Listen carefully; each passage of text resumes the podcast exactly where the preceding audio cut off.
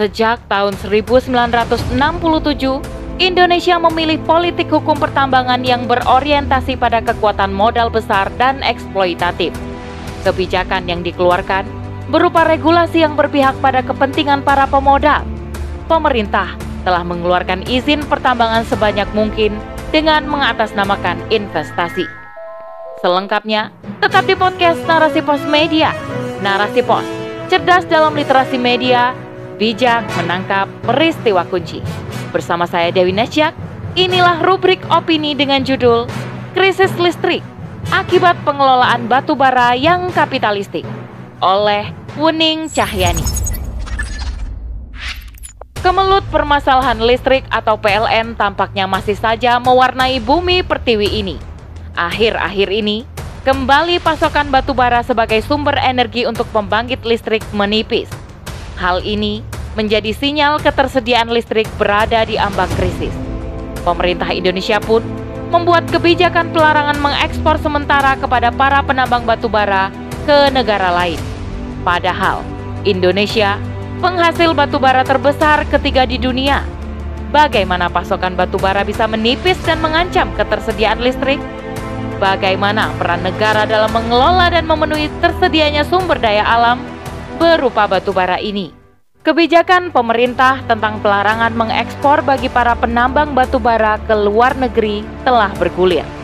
Sebagaimana dikabarkan oleh CNBN Indonesia.com pada 4 Januari 2022, bahwa Kementerian Energi dan Sumber Daya Alam Mineral atau ESDM mengambil kebijakan untuk melakukan pelarangan ekspor batu bara periode 1 hingga 31 Januari 2022 bagi pemegang izin usaha pertambangan atau izin usaha pertambangan khusus. Tahap kegiatan operasi produksi dan IUPK sebagai kelanjutan operasi kontrol. Pelarangan ini dilakukan karena pasokan batu bara untuk pembangkit listrik pada PT PLN Persero telah berkurang. Berkurangnya pasokan batu bara ini bisa mengancam pasokan listrik bagi 10 juta pelanggan PLN, mulai dari masyarakat umum hingga industri di Jawa, Madura, Bali, atau Jamali, dan selain Jamali. Tindakan ini diambil dalam rangka menjaga kestabilan kelistrikan dan perekonomian negara. Indonesia merupakan negara penghasil batu bara terbesar ketiga di dunia setelah Cina dan India. Bahkan, Indonesia pun menjadi pengekspor batu bara terkenal di dunia. Sebenarnya, menurut Undang-Undang Dasar 1945 pasal 33 ayat 3, bahwa bumi dan air dan kekayaan alam yang terkandung di dalamnya dikuasai oleh negara dan dipergunakan untuk sebesar-besar kemakmuran rakyat. Sesuai dengan undang-undang, Batu bara adalah milik negara yang dikelola oleh pemerintah. Penambang pada dasarnya kontraktor untuk menghasilkan batu bara. Mereka dikenai aturan wajib memasok batu bara untuk kebutuhan dalam negeri atau domestic market obligation sebesar 25% dari produk setiap penambangan per tahun. Selain itu, negara hanya menerima royalti dan pajak dari para penambang. Meskipun batu bara di pasar internasional tinggi, tapi tidak menjadikan adanya pajak tambahan yang lain. Ketika ada kabar pasokan batu bara sebagai bahan bakar pembangkit listrik berkurang, tentu ini sesuatu yang sangat bertolak belakang. Turbulensi kelistrikan terkait dengan pasokan batu bara sudah pernah terjadi pada tahun-tahun sebelumnya. Menurut mantan penjabat PT PLN Persero, bahwa kekurangan pasokan batu bara ini pernah terjadi pada 2007, 2008, 2018 dan akhir 2021. Menurutnya, krisis batubara PLN terjadi karena adanya pengaruh batubara ekspor atau internasional yang tinggi atau kebutuhan luar negeri yang tiba-tiba melonjak, di mana kesempatan ini digunakan oleh para penambang untuk menjual batubara sebanyak-banyaknya ke luar negeri, sehingga pasokan dalam negeri berkurang. Apabila kekurangan pasokan batu bara pernah terjadi beberapa kali di tahun-tahun sebelumnya, berarti memang ada kesalahan dalam tata kelola sumber daya alam berupa batu bara ini. Kesalahan utama kebijakan dan orientasi pertambangan di Indonesia bermula dari Undang-Undang Nomor 1 Tahun 1967 tentang penanaman modal asing dan adanya kontrak karya atau KK disusul Undang-Undang Nomor 11 Tahun 1967 tentang ketentuan-ketentuan pokok pertambangan. Sejak tahun 1967, Indonesia memilih politik hukum pertambangan yang berorientasi pada kekuatan modal besar dan eksploitatif.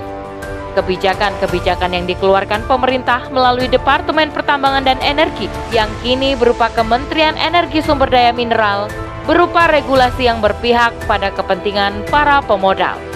Pemerintah telah mengeluarkan izin pertambangan sebanyak mungkin dengan mengatasnamakan investasi.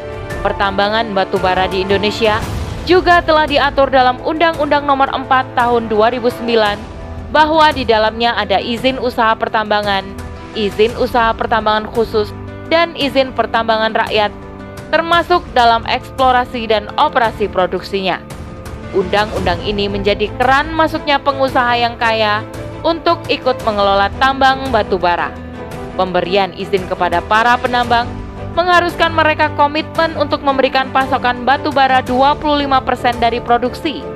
Selain itu, mereka bisa mengekspor batu bara ke luar negeri. Mereka akan meraup keuntungan yang besar. Apalagi jika pasar internasional batu bara tinggi, tentu kemungkinan mereka bisa mendahulukan mengekspornya ke luar negeri ketimbang memenuhi kebutuhan domestik.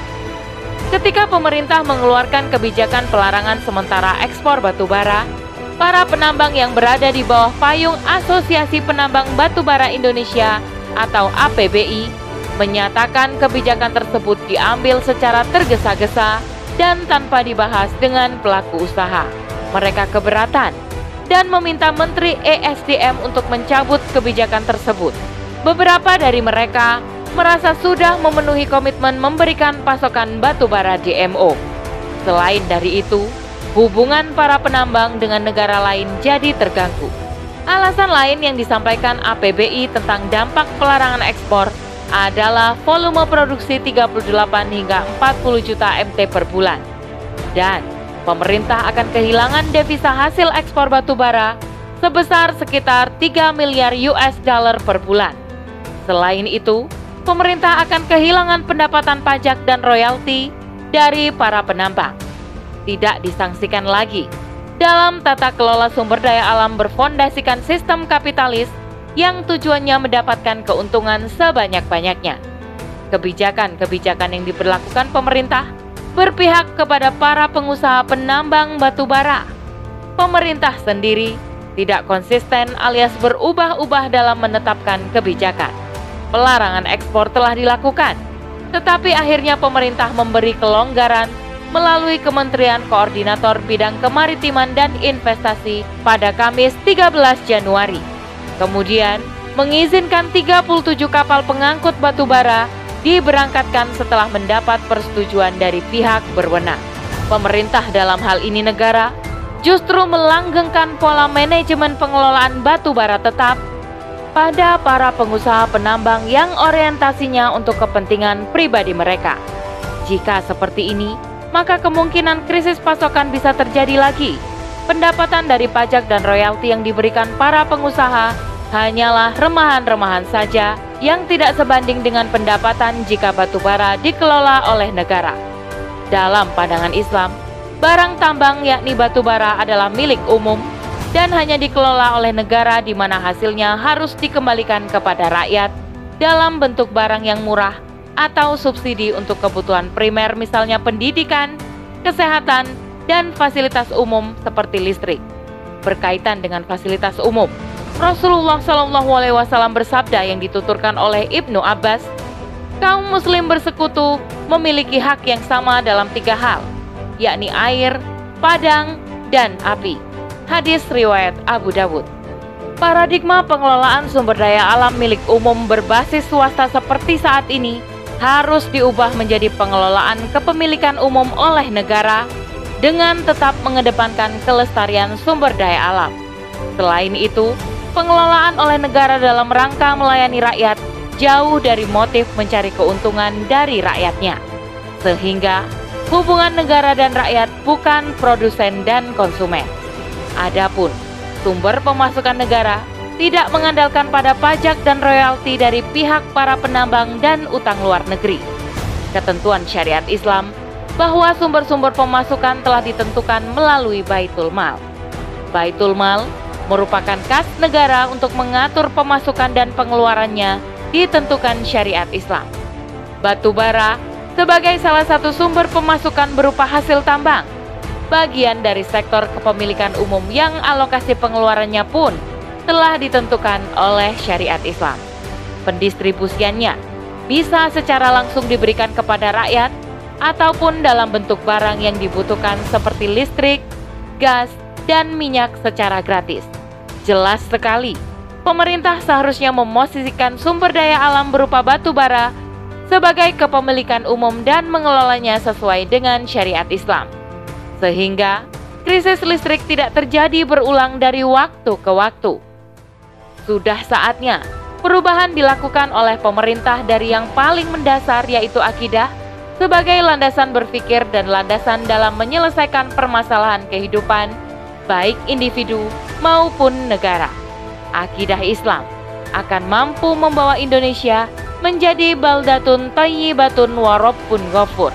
Hidup sejahtera dalam naungan khilafah Islamiyah. Wallahu a'lam bisawab. Demikian rubrik opini kali ini. Sampai bertemu di rubrik opini selanjutnya. Saya Dewi Nasyak undur diri. Assalamualaikum warahmatullahi wabarakatuh.